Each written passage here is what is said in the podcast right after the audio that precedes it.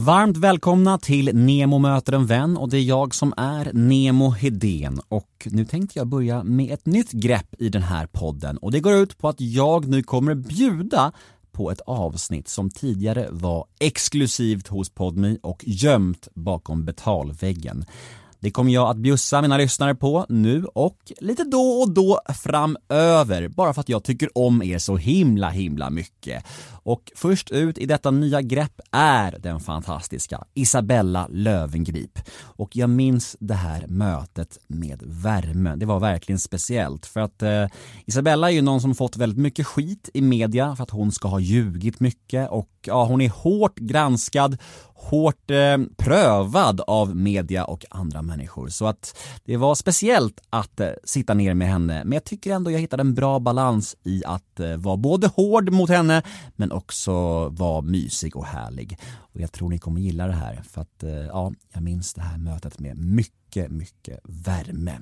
Vill ni komma åt alla exklusiva avsnitt, ja, då vet ni vad ni ska göra. Då går ni in på podmi.com eller ladda ner podmi-appen Väl där inne tecknar ni en prenumeration och ja, då får ni komma åt allt som är bakom denna exklusiva podmi vägg och det är mycket godis som ni inte vill missa.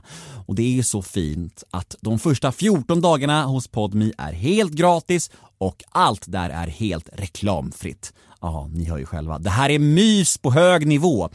Nu tycker jag att vi kör igång det här avsnittet. Isabella Lövengrip för er att njuta av. Nemo är en kändis, den största som vi har. Nu ska han snacka med en kändis och göra någon glad. Ja! Nemo, ja det är Nemo. Nemo möter en vän. Ja, då kör vi Nemo möter en vän med Isabella Lövengrip. Ja, Nu är det dags, nu händer det. nu händer det. Efter sju års tjat. Är det sju år? Ja. Så du har hållit på i sju år? Mm, 330 avsnitt senare så tar hon sig samman och kommer till podden. Ja, men nu var det dags kände jag. Nu vågar jag. Mm. Det var nog det det handlade om. Jag tror nästan inte jag har tjatat på någon gäst mer än dig. Alltså så här, vissa gäster tjatar man ju på men man slutar tjata efter ett tag för man fattar att det kommer inte ske ändå. Men med dig visste jag ändå att det, det fanns någon slags intention av dig att, att komma någon gång. Så jag slutade liksom inte. Nej, och du behövde putta mig liksom från kanten. Och, du, Ja. och vi sågs ju vid TV4. Mm. Och då blev jag lite påmind och tänkte, ja men det kanske inte är så läskigt. Nej, ja, jag är ganska snäll. Mm. Jag är liksom ingen, eh, ingen som så vill folk illa liksom. Eh, och jag fattar att du har haft det tufft på många sätt med journalister och intervjuer och så. Och det är inte min ambition att, att, att vara onödigt tuff mot dig. Men det känns som att journalister vill ibland så slita mig i, stycken. Mhm. Att man vill vara, alltså man, inte bryta ner mig men att man vill liksom förstå vem jag är och då tar man i så hårt. Mm. Testar åt alla olika håll. Och så fort det dalar lite i livet då, då njuter man av det. Ja det känns som att bilden av dig har blivit ganska onyanserad från journal- journalisters håll. Att liksom hela, hela grejen av att göra intressanta intervjuer eller, eller bra samtal har försvunnit. Nu är det bara så här, nu ska man bara luska och få reda på saker och, och, och grotta ner sig i det som är, i de jobbiga sakerna. Exakt så. Och det känns lite orättvist tycker jag, för du har fått ta mycket smällar vet jag och det känns liksom så här, det känns, det känns, jag tycker att det jag tycker att det är intressantare när, när, när intervjuer och poddar är nyanserade och belyser allt liksom. Mm. Så det är mitt mål med det här i alla fall. Mm. Ja, men du, offentlig person sen eh, superlänge ju. Ja, halva mitt liv. Ja, Helt galet. ja. Vad tror du har varit de bra grejerna med det och de dåliga grejerna med det nu så här i vuxen ålder? Vad tänker du? Nej men det som är bra har ju varit att man har möjlighet, alltså jag har ju varit entreprenör sedan jag var 16 och att ha möjlighet att lyfta mina bolag hela tiden på min egen plattform. Det har varit superbra. Så fort man har en idé så är det bara att skicka ut den och så har man folk som köper den. Det som har varit svårt i det här har ju varit att jag kanske inte gillar offentligheten så mycket. Jag är ganska folkskygg egentligen och har svårt att ta intervjuer och gå ut bland, bland folk och vill helst, får jag välja, mitt, mitt drömliv skulle, jag, skulle vara som Agneta Fältskog. Köpa ett jättehus och aldrig lämna det. Mm. Och bli ihop med ditt största fan. Den, den lilla det- detaljen skiter vi Ja, i. vi struntar i den detaljen. För det var hon som blev det, eller hur? Ja, exakt. det är Hon blev tillsammans-. Det är otroligt. Ja, bli tillsammans med sin stalker. Alltså det är så starkt. Det är det starkaste jag, hör- jag har hört alltså. Helt galet. Ja, nej men så det har varit det tuffaste tror jag. Just att göra någonting som man egentligen inte trivs med i halva sitt liv. Mm, jag fattar det alltså. Men vad har du för relation till namnet Blondinbella idag? Vad väcker det för tankar och känslor i dig? Nej men jag tänker väl att hon, den personen var väldigt stark. Att eh, dels personligt att ta sig igenom min, så här, flytta hemifrån tidigt och liksom göra en personlig resa. Eh, men också hantera media i så ung ålder och ändå, vad säger man, bygga upp någonting som många känner till. De gjorde en undersökning då jag var någon så här, det var någon så här 80% av Sveriges befolkning mellan en viss ålder kände till Blondinbella. Mm. Man hade hört det liksom någonstans. Så det var en enorm liksom, igenkänning av varumärket. Mm. Ja, jag var ju exakt den åldern och den målgruppen som, eller kanske inte målgruppen men exakt den åldern där du var som kändast liksom. Och där, alla, alla visste ju vem du var. Och det måste ju vara otroligt speciellt för, för en så ung tjej tänker jag. Eh, minns du, finns det något, liksom, något ögonblick där du kände så här: shit, shit vad känd jag är liksom? Nej men jag blev ju årets mest googlade person två gånger. Mm. Eh, det var jag och som var i Zlatan. Åh fy fan. Men då kände jag så här, helt sjukt. Då kände jag, men vad händer nu? Ja. Och varför de googlar på mig för? Vad har jag gjort som är så intressant? Vad, vad hade du gjort som var men jag intressant? vet inte, jag tror att jag var, hade varit med i Let's Dance. Mm. Ehm, så det var väl det. Men sen så alla omslag som man har liksom prytt, till exempel när jag var 17, 16 och så gick jag förbi en tidning och då står det så här Blondinbella tjänar miljoner. Och då tänkte jag att nej men hur kan en stor kvällstidning sätta den rubriken på en så ung tjej? Då måste det finnas ett allmänt intresse liksom. Så det var lite konstigt. Mm. Men du, om du kikar på den offentliga bilden av dig kontra privatpersonen. Mm. Hur stor diskrepans är det där? Eh, Det är nog eh, Det är lite olika för den här företagssidan det är ju jag. Alltså när jag går ut och bygger bolag och när jag liksom kämpar fram och tillbaka med företag. Men, men just det här Jag har ju levt ett ganska så här glammigt liv. Och det är inte så mycket jag är egentligen tror jag. Jag, jag trivs nog mest när jag är hemma. Eh, min, min sambo han är så här extremt extrovert. Och älskar människor, fastnar överallt på gatorna och träffkänner allt och alla. Och jag vill helst bara vara hemma. Så att vi, det är lite tufft sådär ibland mellan oss två. Eh, Mm. Vi vill göra olika saker. Så det är nog det att jag är inte lika, kanske samma liksom självförtroende på samma sätt. Utan mycket mer lugn Mm. och eftertänksam och inte alls det här liksom kända, flabbiga, glammiga, inte det. För visst var det en specifik stund där du liksom sa till dig själv och alla andra att nu går Blondinbella i graven? Ja. Ja. Och vad kan jag ha varit då? Typ 23 kanske? Mm. 24? Och då, så la jag, och då bytte jag själva namn på bloggen. Så den hette inte blondinbella.se längre utan mitt namn. Och då var jag livrädd för att folk skulle inte glömma bort mig och inte veta vem jag var. Och tänkte att men tänk om hela min karriär förstörs nu för att jag tar bort det stora varumärket. Och jag gick till en sån här PR-firma innan som jobbar mycket med så personliga varumärken och sånt. Och de sa det, du tar inte bort Blondinbella för då faller allt som du har byggt upp. Men jag gjorde det ändå. Och folk började till slut säga mitt, mitt vanliga namn i media. Fast än idag så kan det stå Blondinbella så det har tagit lång tid. Mm. Finns det folk som kallar dig det än idag? Nej men jag ser det typ i Aftonbladet ibland. Typ sådana tidningar. Tänker gud vad gammalt. Men när du gjorde den här förändringen, det här liksom eh, bokslutet kan man säga. Mm. Var det, gjorde du en aktiv förändring då i din personlighet också? Eller var det mer så att du bara kände att nu kan jag vara mig själv? Jo men det, jag gjorde nog skillnad. Det blev nog mycket mer, fast jag, jag fick ju två barn i samband med det här. Så då blev det mycket lättare att säga det, att nej, men nu lämnar jag det här gamla tonårslivet och kliver in i min mammaroll. Så isabellalöwengrip.se blev nog mycket mer vuxen sådär över natt. Jag vågade nog ta ut de svängarna mycket mer och prata mer om seriösa saker och inte bara så här tonårstugg på något sätt. Spelade det in tror du att du skulle få barn, det här med att du slutade med Blondinbella? Ja, man, alltså man blir, alltså livet spolas ju fram när man får barn. Man blir ju vuxen på en gång och känner sig vuxen.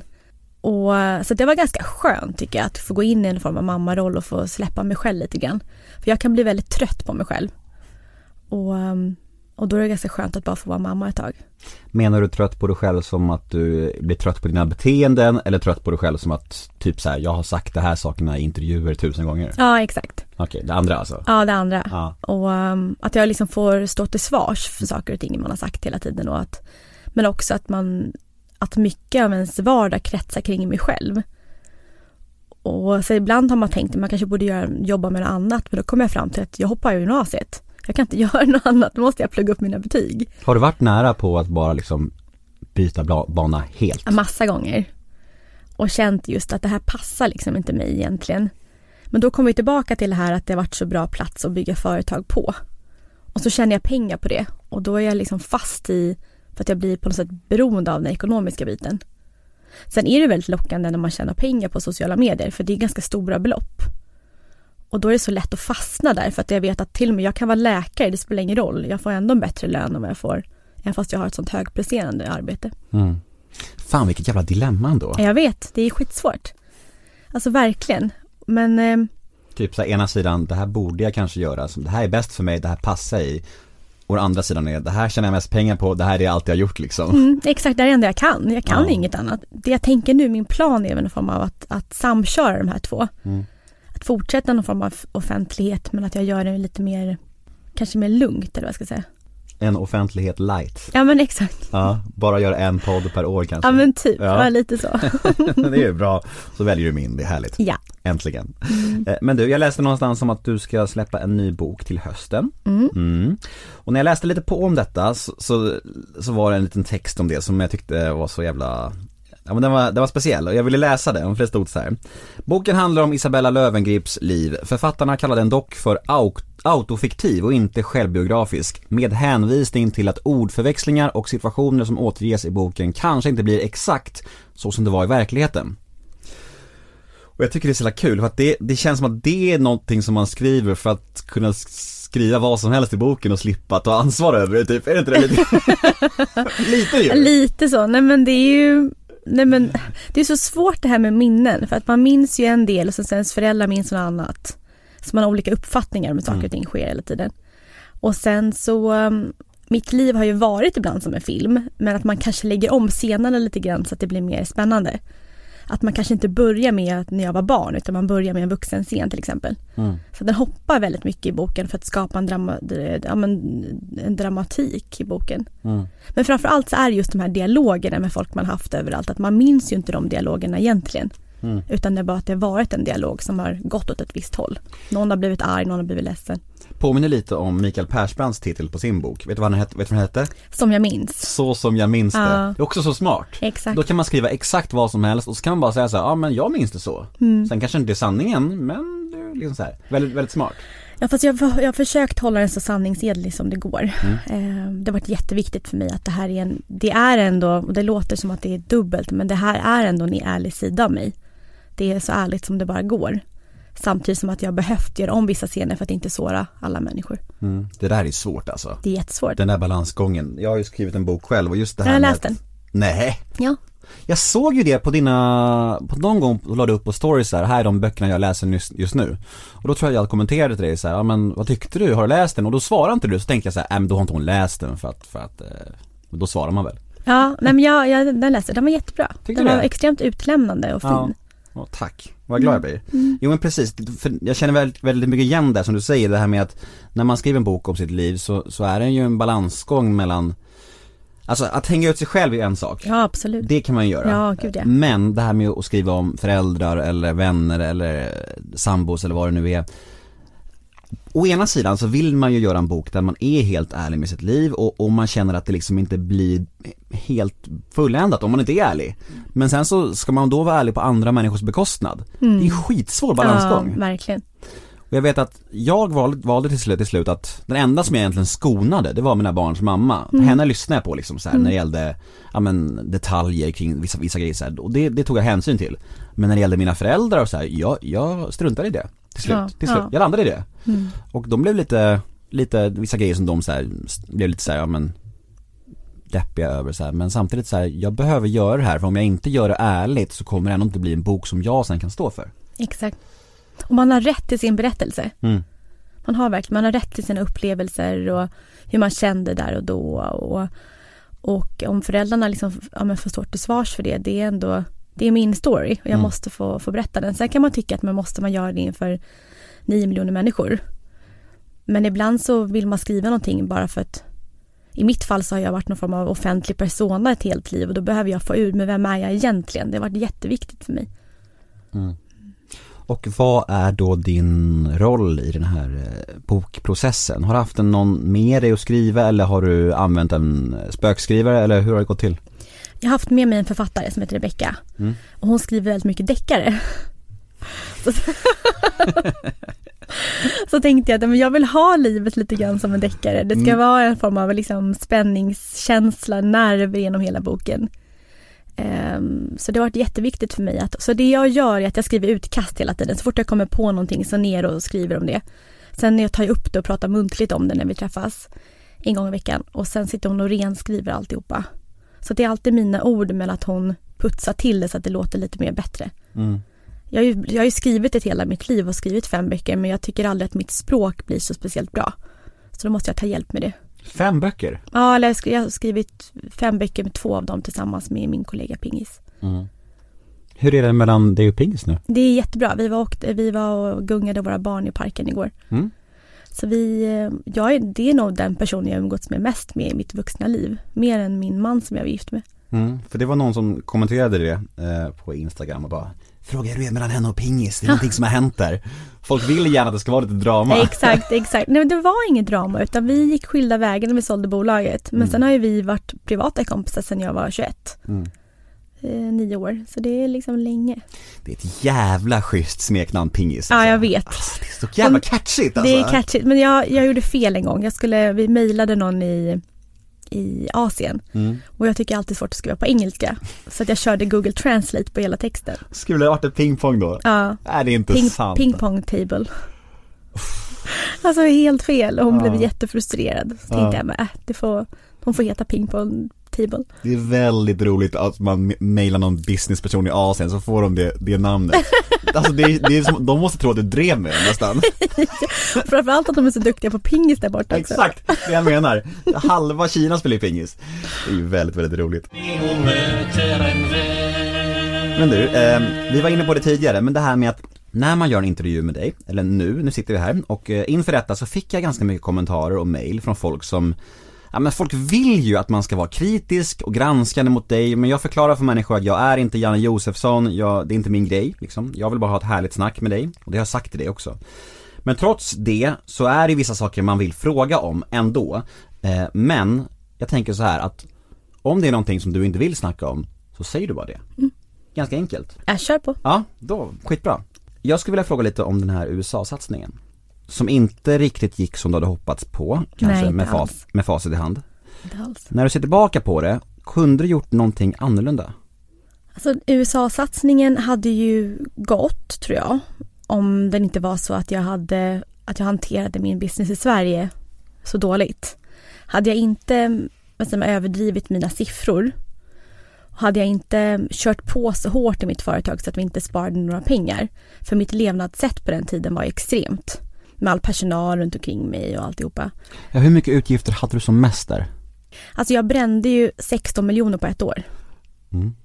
Det är mycket. Det är jättemycket pengar. Och det var det som allting kostade.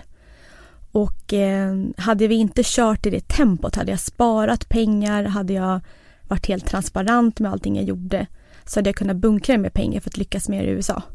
Mm. För det vi gjorde var att jag skaffade en lägenhet, jag höll på med mitt visum, jag hade två kunder i USA som jag skulle jobba med, jag skulle sköta deras sociala medier. Två kunder. Hemp Hydrate och eh, Butterfly heter de. Så det är lite synd, alltså jag, gud vad jag grät över det, att jag, jag bodde i min lägenhet i fyra dagar. Sen fick jag åka hem och ta Mm. smällen. Och, Du var bara där borta i fyra dagar.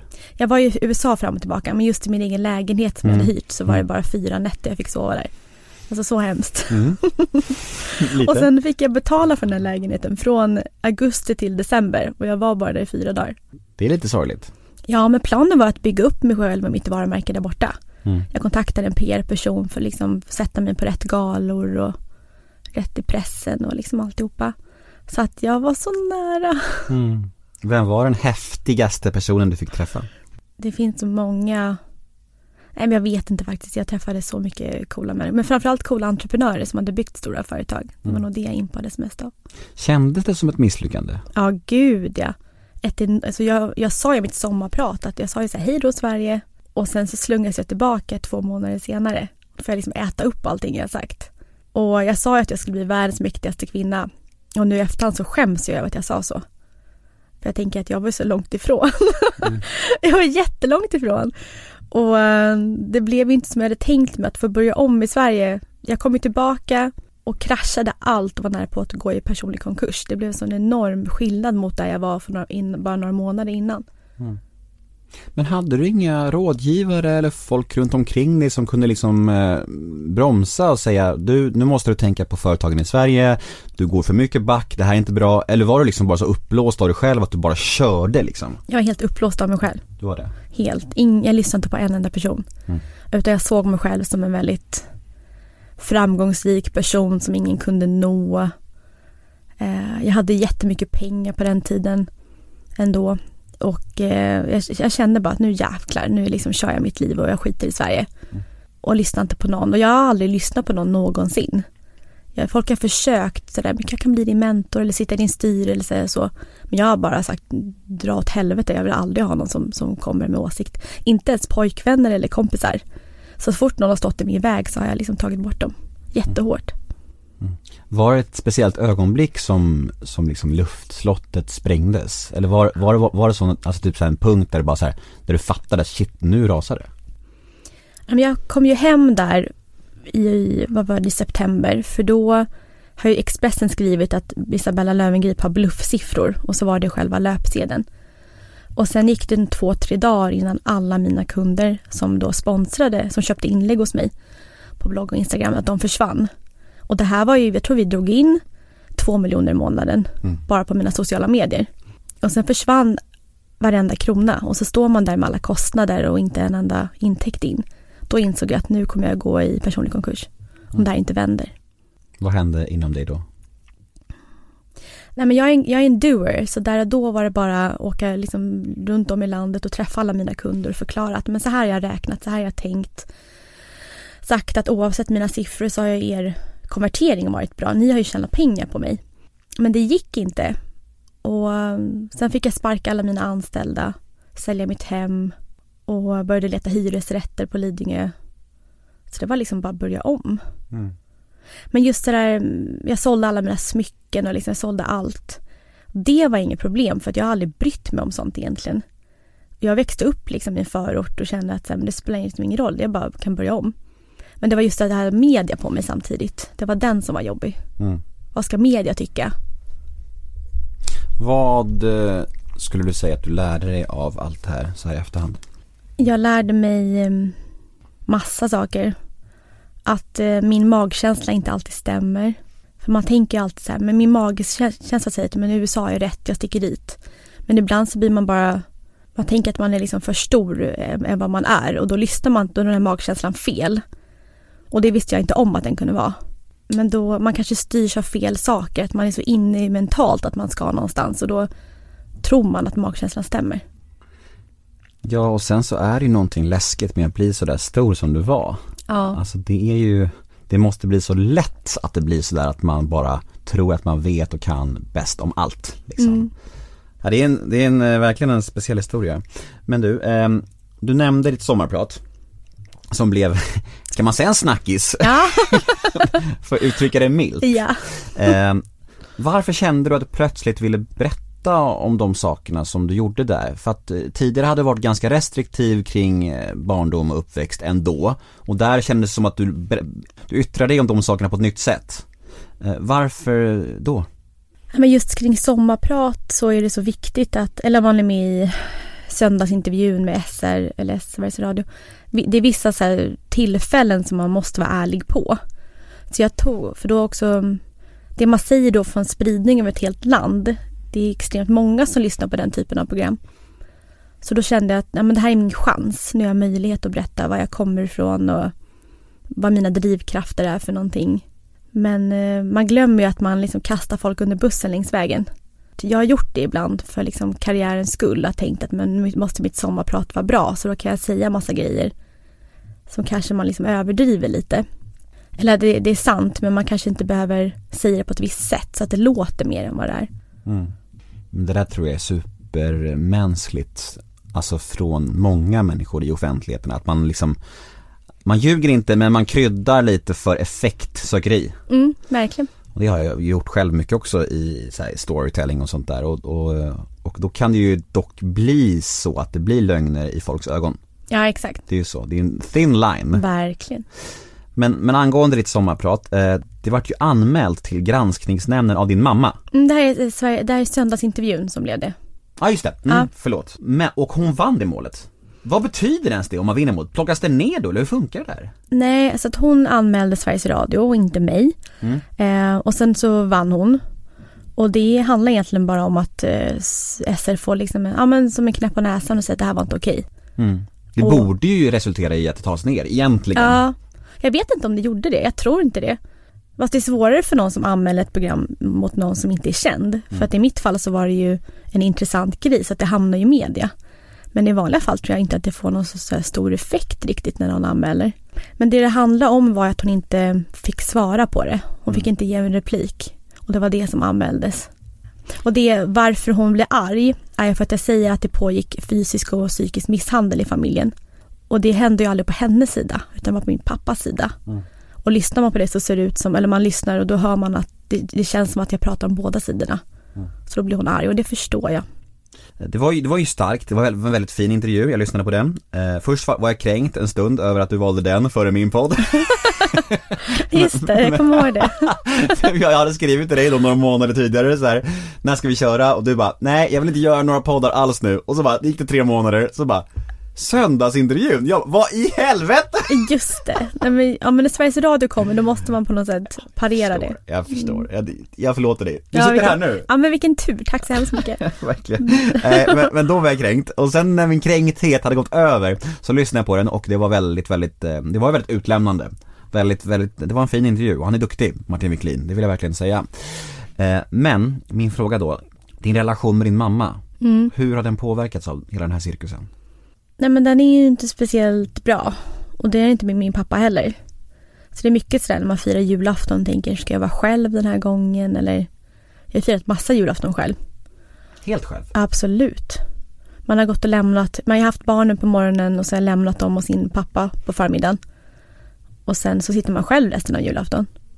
Men jag har alltid försökt göra det lite trevligt då. Jag har gått och köpt praliner på NK och ny pyjamas och tittat på någon bra film på kvällen. Och försökt tänka att det är många som sitter ensamma nu. Men det är också då man märker att det är ehm, hur man har hanterat relationer i sitt liv, att man inte alltid skött dem. Så, ja den har varit, eh, den har varit tuff. Men jag har inte tagit hand om relationer riktigt heller. Man har, jag har varit så fokuserad på att driva saker och ting framåt. Så jag har inte lagt liksom någon energi på att saker och ting ska fungera. Och då får man skylla sig själv. Mm. Men eh, har du bett om ursäkt till din mamma för att eh, hon drogs in i samma, samma fack som egentligen handlade om din pappa? Mm, nej, det har jag inte. Och jag borde göra det, men jag vågar liksom inte. Är det jobbigt att prata om henne? Nej, men man vill ju mest att hon ska kunna svara och hon också. Mm. Så den är lite den som är svår. Men, nej, men jag vill egentligen be om ursäkt, men jag vet inte. Hon blev så arg, så svårt att säga, ringa upp och säga förlåt för att jag hängde ut dig från ett helt svenskt folk när det var inte ens du som hade gjort någonting. Mm. Så det man kan göra också i mitt fall är att man går ut och skriver om det. Eller så berättar man det i en podd det här. Mm. Mm. Hoppas hon lyssnar. Ja. Du pratade lite om det här med den här granskningen som Expressen har gjort och, och, och eh, den, det måste ju varit lite som en käftsmäll, Ja. milt uttryckt. Mm. Hur, jag tänker inte lägga någon värdering i huruvida om det är sant eller inte. Du, du sa själv att, att du överdrev lite och det, det räcker väl med att säga om det liksom. Men det jag ville fråga var, hur påverkade det eh, dina samarbeten eh, på sociala medier? Alltså jag menar, jag tänker även än idag, då måste ju, det måste ju vara super Folk måste vara supergranskande med dig, alltså kontra andra kollegor, alltså influencers kollegor, eller? Ja, verkligen. Nej, men jag märker det var svårt att samarbeta. Alltså det tog ett år innan, innan de kom tillbaka. Mm. Så det var nog i oktober förra året som första samarbetspartners kom igen. Så det ja, ett år, men det handlar också om att det måste lägga sig, folk måste förstå att man har, vad säger man, tänkt om. För det som jag är stolt över, att försäljningen hos dem jag jobbat med har alltid varit enormt stor när jag gör någonting. Men just hur man presenterar siffror var ju fel och det jag gjorde var att jag slog ihop alla mina kanaler. Och då blev det en och en halv miljon följare. Men själva bloggen hade bara, var det 300 000 mm. Och jag tror, alltså, mitt, till mitt försvar så var det på bloggportalen.se där hade jag alltid strax över en miljon läsare. Men det var inte sant hur de räknade ihop. Men jag fortsatte ha de siffrorna i media sen. Är det jobbigt att uh, behöva försvara sig? Men jag är van, jag får, jag får alltid göra det. Ja. Um, men det är också sådär, man har varit offentlig sedan man var tonåring så att man har sagt massa saker som kanske inte alltid För massa år sedan så sa jag att ja, men jag är ingen feminist till exempel, jag kommer aldrig vara det. Och så märker man att man kan inte säga så i Sverige. Då blir man liksom lynchad, så nu måste jag säga att jag är feminist.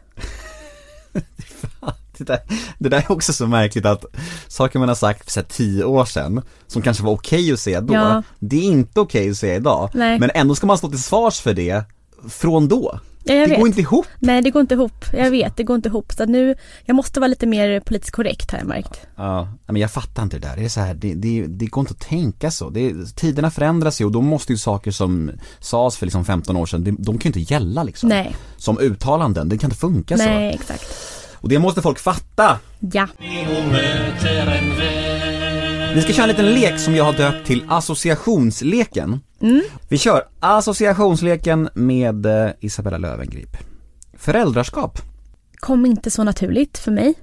Jag visste inte om jag skulle ha barn först. Men sen så var det min exman som tjatade på mig för att han vill bli en ung förälder. Så jag fick liksom, vad säger man, jag fick bearbeta när barnen låg i magen att nu ska jag bli mamma. Men sen när de kom så blev det helt naturligt. Men det var just rädslan innan, för jag ville sterilisera mig när jag var 17. Och då sa de att jag måste vara 20 för att få göra det. Jag blev skitarg. Fast det var tur att jag inte gjorde det. I, idag så är jag en väldigt eh, lekig mamma. Jag tycker om att Ja men vi liksom, vi leker hela tiden. Vi äter middag under bordet och vi bygger kojer och det finns inga, det finns inga regler riktigt på gott och ont. Det är mycket som, de brukar kalla mig för Pippi. Mm det finns liksom en guldsäck med pengar och sen så kan man liksom gå ut och leka och allt är tokigt. Ibland, ibland så går barnen till pyjam, med pyjamas till skolan och liksom, det får vara så.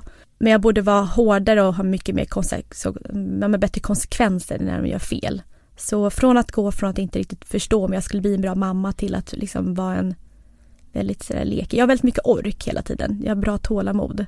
Men just det här dålig på gränssättning. Mm. Men då kommer deras pappa in och han är bra på det låter som att du är jag ja. och ditt ex är mitt ex då. Ja. Eh, och det leder oss osökt in på nästa punkt som är ADHD. Jag fick diagnosen när jag var 20. Jag tycker att det blivit bättre med åren. Och jag, med, jag har ingen medicin. Jag tycker jag var så rörig innan med liksom bokningar och tider och packa och få ihop saker och ting i livet. Räkningar, alltså alltihopa. Men jag tycker att jag blir bättre på att hantera det just med listor, alarm på telefonen, rutiner.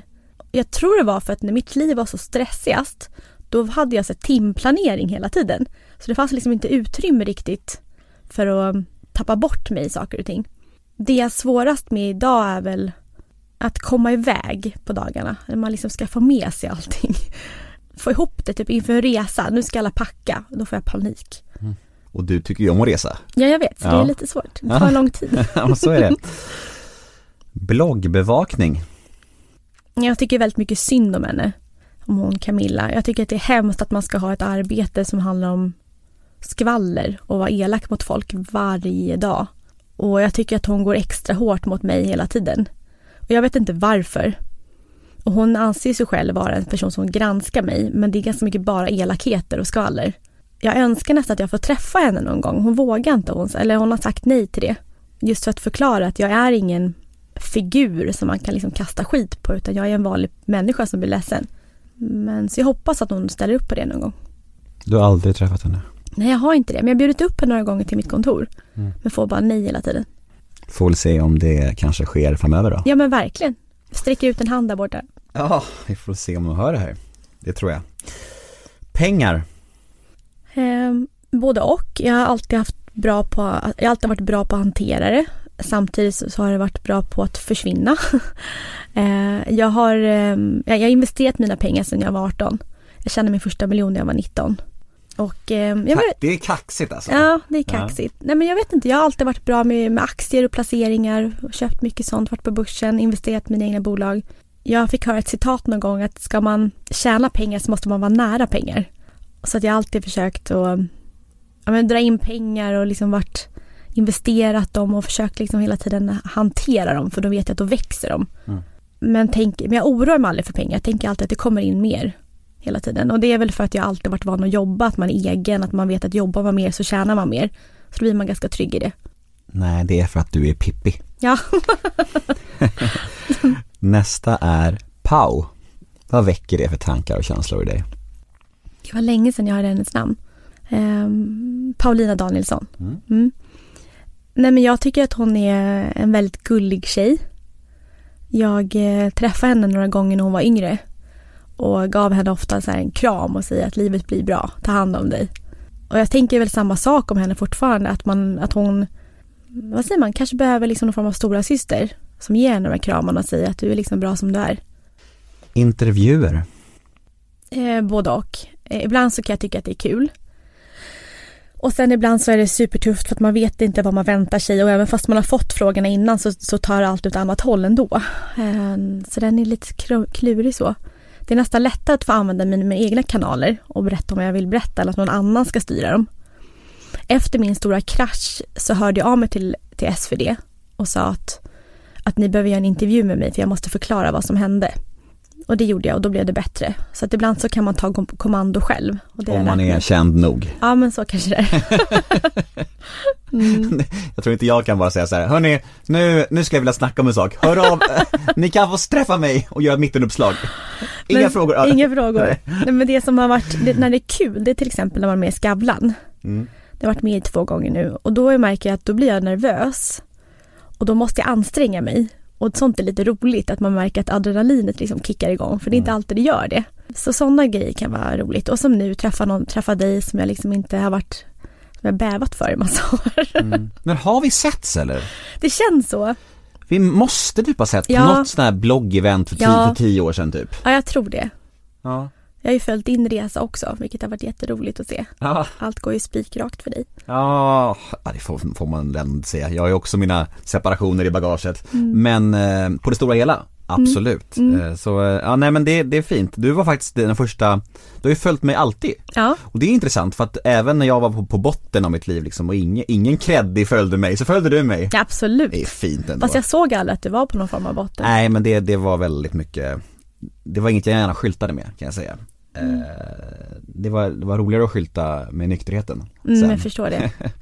Det för oss också osökt in på nästa ord i den här leken som är alkohol. Nej men jag har haft stunder då jag druckit för mycket. Absolut. Som har liksom, man har framför allt, men nu återkommer mycket till den här kraschen, men den, den var en stor grej i mitt liv. Där man har ett halvår då man liksom funderar på om man ens ska leva. Mm. Och då var det mycket tabletter och alkohol och så allt för döva hela tiden och allt för att lyckas somna på kvällarna framför allt. Vad var det för tabletter du åt? Åt mycket sömntabletter, Imovan och sen Oxascand som är ångestdämpande. Tungt alltså. Ja, de är tunga. Oxascand är tungt. Mm. Och jag kom upp i ganska höga doser. Eh, Jag åt den senast igår för att jag får mycket ångestpåslag. Mm. Så att jag, jag lider av ångestproblematik jättemycket. Och Mm. går upp i så extrema glädjefaser och så går det djupt ner och frågasätter livet och sånt. Mm. För att det var faktiskt en eh, lyssnarfråga. Jag kan klämma in den här eftersom det ändå berör ämnet som vi är inne på. Eh, och det var faktiskt det här. Har Bella missbrukat benzo eller sömntabletter när hon kraschade? Tyckte mig kunna läsa det mellan raderna när man läser hennes uttalanden. Mm. Ja men alltså massor. Och jag satt ju liksom och googlade på vilka maxdoser och hur mycket man kan ta och men inte när jag var med barnen utan det här var mina barnfria veckor, vilket är viktigt att säga. Men när man är med barnen så, liksom, så tänker man bort allt jobbigt och man bara är fokuserad på dem. Men så fort de försvinner så blir den där tomheten igen. Så alkohol och benzo och sömn, det var min räddning där och då faktiskt. Och då var du själv? Då var jag helt ensam. Ja. Ja, tufft. Men jag är glad att jag tog mig in till psykakuten när det blev som värst. Mm. Att man inte liksom fortsatte med dem. Hur länge var du inlagd? I en månad. Mm. Så det är länge att ligga på psyket en månad eller på ett sjukhus. Men jag behövde det. Eh, Jag behövde få vara där och ha en paus och liksom få, få den här behandlingen som jag fick och liksom få börja om. Det var viktigt. Tror du att du någonsin kommer kunna eh, vara fri från eh, tabletter och sånt? Det har blivit mycket mindre den senaste tiden. Jag kanske tar ångestmedicin en gång i månaden. Och det är oftast när jag ska, jag vet att jag ska vara ute bland folk. Inte så här utan när man ska liksom göra något event eller man ska gå ut och äta på en restaurang till exempel. Så då måste jag alltid förbereda mig med en ångesttablett. Så den är lite problematisk. Jag vet faktiskt inte, jag ska gå i KBT nu för torgskräck så jag hoppas att det hjälper. Mm. Det hoppas jag med. Ja. Nästa ord är ett namn. ja. Kissy. Eh, vi hördes bara för några veckor sedan. Mm. Hon hörde av sig och sa, ska vi inte mötas upp och ta en drink? Ehm, jätteroligt. Och eh, nej men återigen, jag tycker det är så kul och alla vi som har, vad säger man, hängt ihop på nätet i 10 års tid, i 15 års tid. Det är roligt att alla går sina egna vägar. Och hon har blivit så extremt stor på Instagram och har massa, jag tror hon har så en miljon som ser hennes klipp och sådär. Och har verkligen tagit en viktig roll för oss kvinnor. Så jag är, jag är imponerad av alla. Jag är imponerad av, av Desiree Nilsson, Desi som blev mäklare. Kinsa som har drivit företag. Um, all, jag, jag, jag har alltid sett mig själv som en form av liksom mamma för att jag var så tidig kring alltihopa. Och det, jag är jättestolt över alla. Alla har lyckats. Let's Dance. Eh, en jätterolig tid i livet. Så jag rekommenderar alla som får möjlighet. Alla som får frågan tycker jag ska svara ja. Jag rekommenderar alla, alla. mina lyssnare att, att, att jag vara med i Let's Dance. Alla bara, gud vilket klokt tips. Ja men det var, det var fantastiskt men också superläskigt att kliva ut där ung inför hela svenska folket och man ska dansa. Och grejen är att jag är sjukt dålig på att dansa så jag åkte ut näst först. Och kunde liksom inte, jag är så ovig och kunde inte röra mig så att det var Men det är så här roliga minnen i livet, det är, det är ett glädjeminne Mm. och sådana behöver man.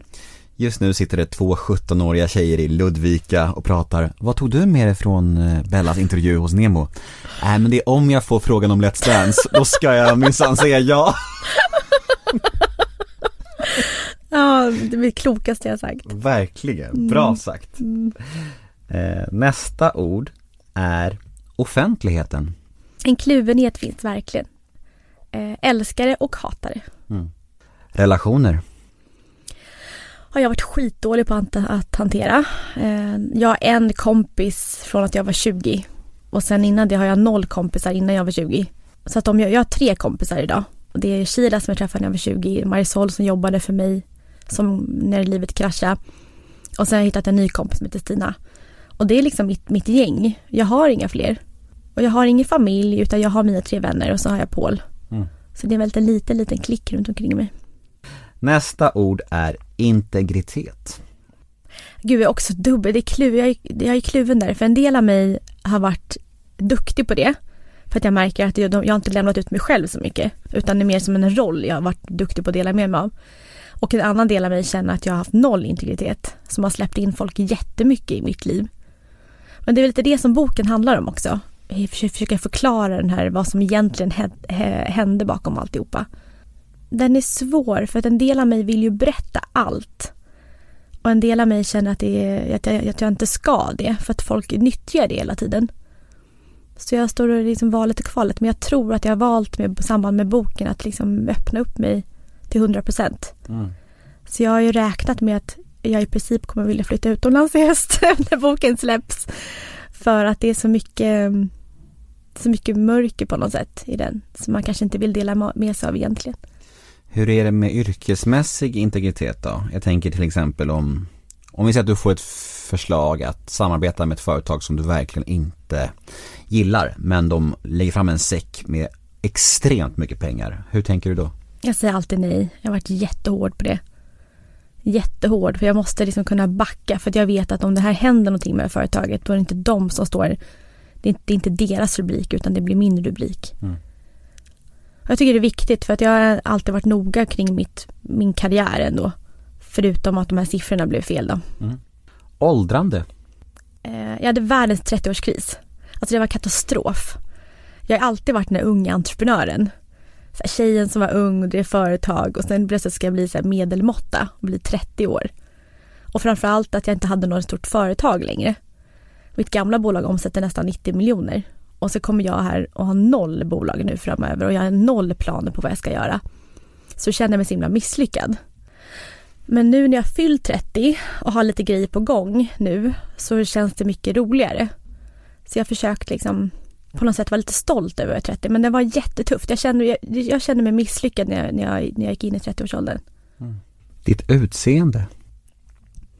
Men jag har alltid haft så här bra självförtroende. Skönt! Gra- grattis, grattis, låter härligt. Nej men jag vet inte, jag, jag är inte sån här tjej som vaknar upp på morgonen och tycker så här, gud vad jag ser ut eller klagar på min kropp eller Jag hade mycket problem med akne när jag var yngre, den var ingen rolig. Jag blev mobbad för det.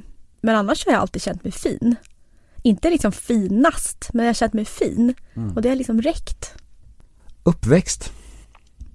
Att jag blir skitförbannad på hur man kan hantera en ung tjej. Att man låter en 14-åring flytta hemifrån.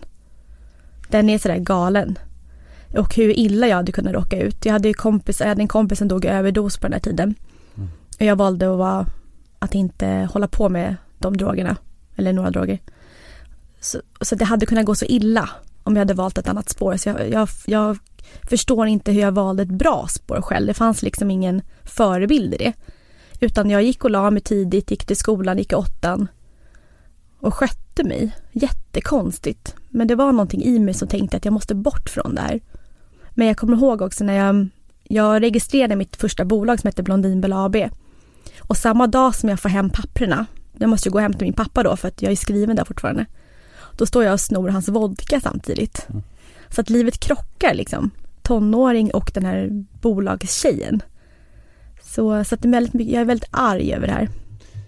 Det är ju ganska många som missbrukar just eh, Oxycontin och Oxascand och sådana där tabletter som du pratade om. Eh, alltså är du inte rädd för att liksom trilla dit på riktigt? När du ändå äter dem? För de är väldigt starka, det vill man tillägga. Mm.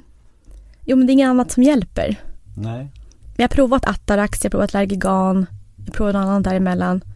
Och jag är så tablettvan så att jag måste ta någonting som verkligen är starkt. Jag måste ta någon så hästdos när jag ska sova för att det går liksom inte annars. Men jag har tillsammans med min psykiater börjat liksom gå ner i dos nu. Eh, och det går faktiskt bra, tycker jag. Bra. Så länge du har koll på bitarna så. Ja, Ja. exakt. Jag börjar få det. Ja, bra. Jag, eh, jag vill gärna höra milstolpar. Men Att bli Sveriges mäktigaste näringslivskvinna var en stor sån. Mm. Då kände jag liksom äntligen, jag har gått och suktat efter den här framgången så länge. Och sen äntligen fick jag det här beviset på att jag kan. Så det var nog den största milstolpen i mitt liv. Och sen hade jag hoppats på att mm, Forbes sa någon så här 30 under 30. Jag hade hoppats komma med det när jag fyllde 30, att det var en sån, men det blev liksom inte av.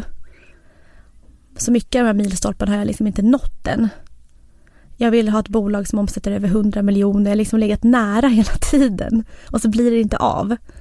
Så jag har mycket så här revanschkänsla inombords så att jag, jag har mycket, och, mycket som jag ska ge nu. Nu jäklar mycket så känner jag. Så att jag är inte klar utan jag går bara och väntar på att få en ny öppning. Och då ska jag köra så att jag, jag ser det som att jag precis börjat min karriär. Framtiden. Nej men jag, det känns som att, nu låter jag som en så här grandios person igen. Eh, men det känns som att jag väntar något stort. Och det är jag helt ärlig med att säga att jag tycker att jag, jag precis liksom lärt mig massa saker. Och nu jäklar jag har möjlighet att ta det stora nästa steget. Men jag vet inte vad det är än, men det kommer. Nu ska vi beta av lite snabbfrågor. Ja, Paradrätt. eh, jag, kan lära, jag kan laga en rätt. Ni får gissa vad du ska säga nu. Ja. Spaghetti bolognese. Nej, det kan jag faktiskt inte laga. Den tycker jag är jättesvår för allting bara smakar tomatsås. Ja, jo, förvisso. Ja, nej men jag kan laga en god så här, currykyckling med ris. Mm, det är gott. För det älskar mina barn. Bra. Eh, vad missbrukar du? Nej men alltså vin och Marabou. Det blir mycket rödvin på helgerna. Inte, återigen, inte när barnen är med. Eh, men, eh, men massa Marabou. Mm. Mint just nu. Mint krokant. Mm, den är väldigt god. Den är otrolig alltså. Mm, den är väldigt god. alltså. Och det är inte svårt att få i sig 200 gram. Nej, nej, nej, nej. Alltså- nej, gud, det är superlätt. Otroligt alltså. Alltså jag, jag, jag kan inte fatta det. Jag tror, jag, jag, jag, jag tror det var i lördags här, jag köpte en inför mello där. Gick på affären, eh, köpte en vid sju. Då var det ju slut när mello började. Ja, och jag känner igen mig. Vad fan är det? Jag har ingen aning. Ingen aning. Verkligen ingen aning. Det bara går så lätt. Alltså otroligt god alltså. Ja, den är, den är, där är jag helt överens. Mm. Ångesttrigger. Eh, folk. Eh, att gå in, jag var på Sturehov i helgen. Min tjejkompis fyllde år. Och det går bra, men då måste jag äta ångestmedicin. Och det är det som är mitt mål, att kunna sätta mig där i lugn och ro. Och sen är jag så, jag klarar inte att ha, ha folk bakom mig utan jag måste sitta mot en vägg hela tiden. Och sen så satt vi ett runt bord i mitten och sånt tycker jag är jätteobehagligt. Och det är för att det oftast kommer fram folk som vill säga hej och då kommer de oftast bakom axeln på mig. Och jag mår jättedåligt av det. Hur är folk mot dig generellt när, du, när de kommer fram på gatan eller vad som helst? Eh, nej men det är väldigt, folk säger alltid så här, eh, vilken bra förebild du är och jag hejar på dig och allt kommer gå bra. Och, Mm. eh, så att folk är väldigt, väldigt snälla. Det är ju ändå en välsignelse får Mm. man säga. Verkligen. Alla har det Det inte har inte så. alltid varit så. Nej, det kan jag tänka mig. Hur var det när det stor- stormade som värst? Eh, Eller vågade folk säga någonting då? Till? Nej men folk har gett mig så tummen upp på stan. Så ironiskt Ja, eller? nej, det, jag vet faktiskt inte. Det kanske, de missuppfattar jag det i så fall.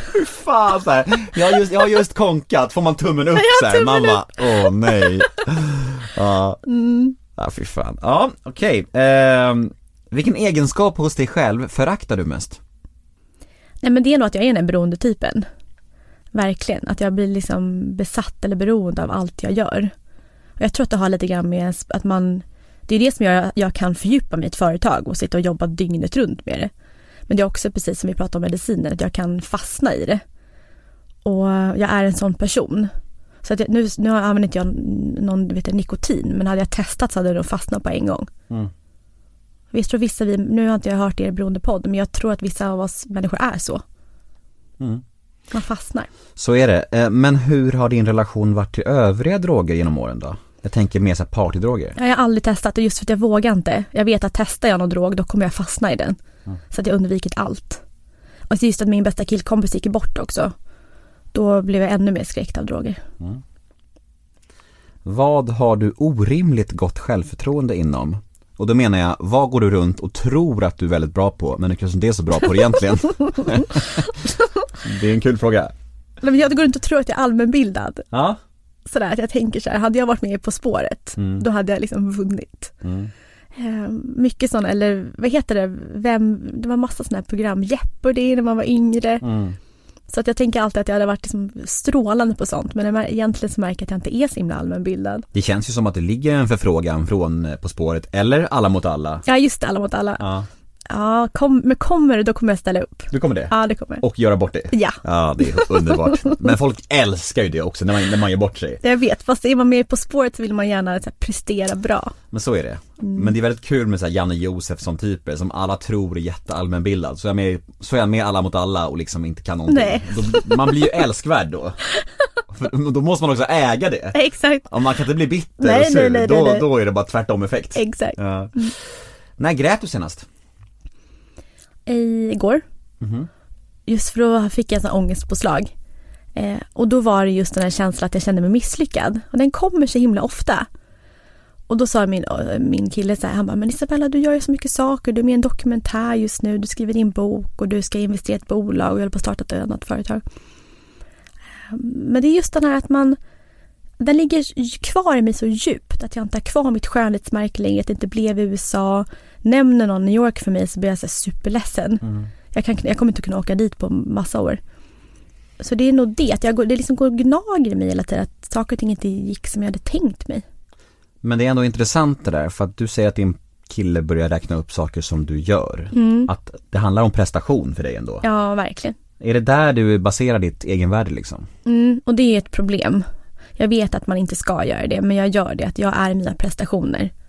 Och, och, och skriver jag inte liksom årets bäst säljande bok, om inte Camilla Läckberg idag slår mig, men förutom henne, så om den inte blir sådär hyllad, då kommer jag bli superledsen. Mm.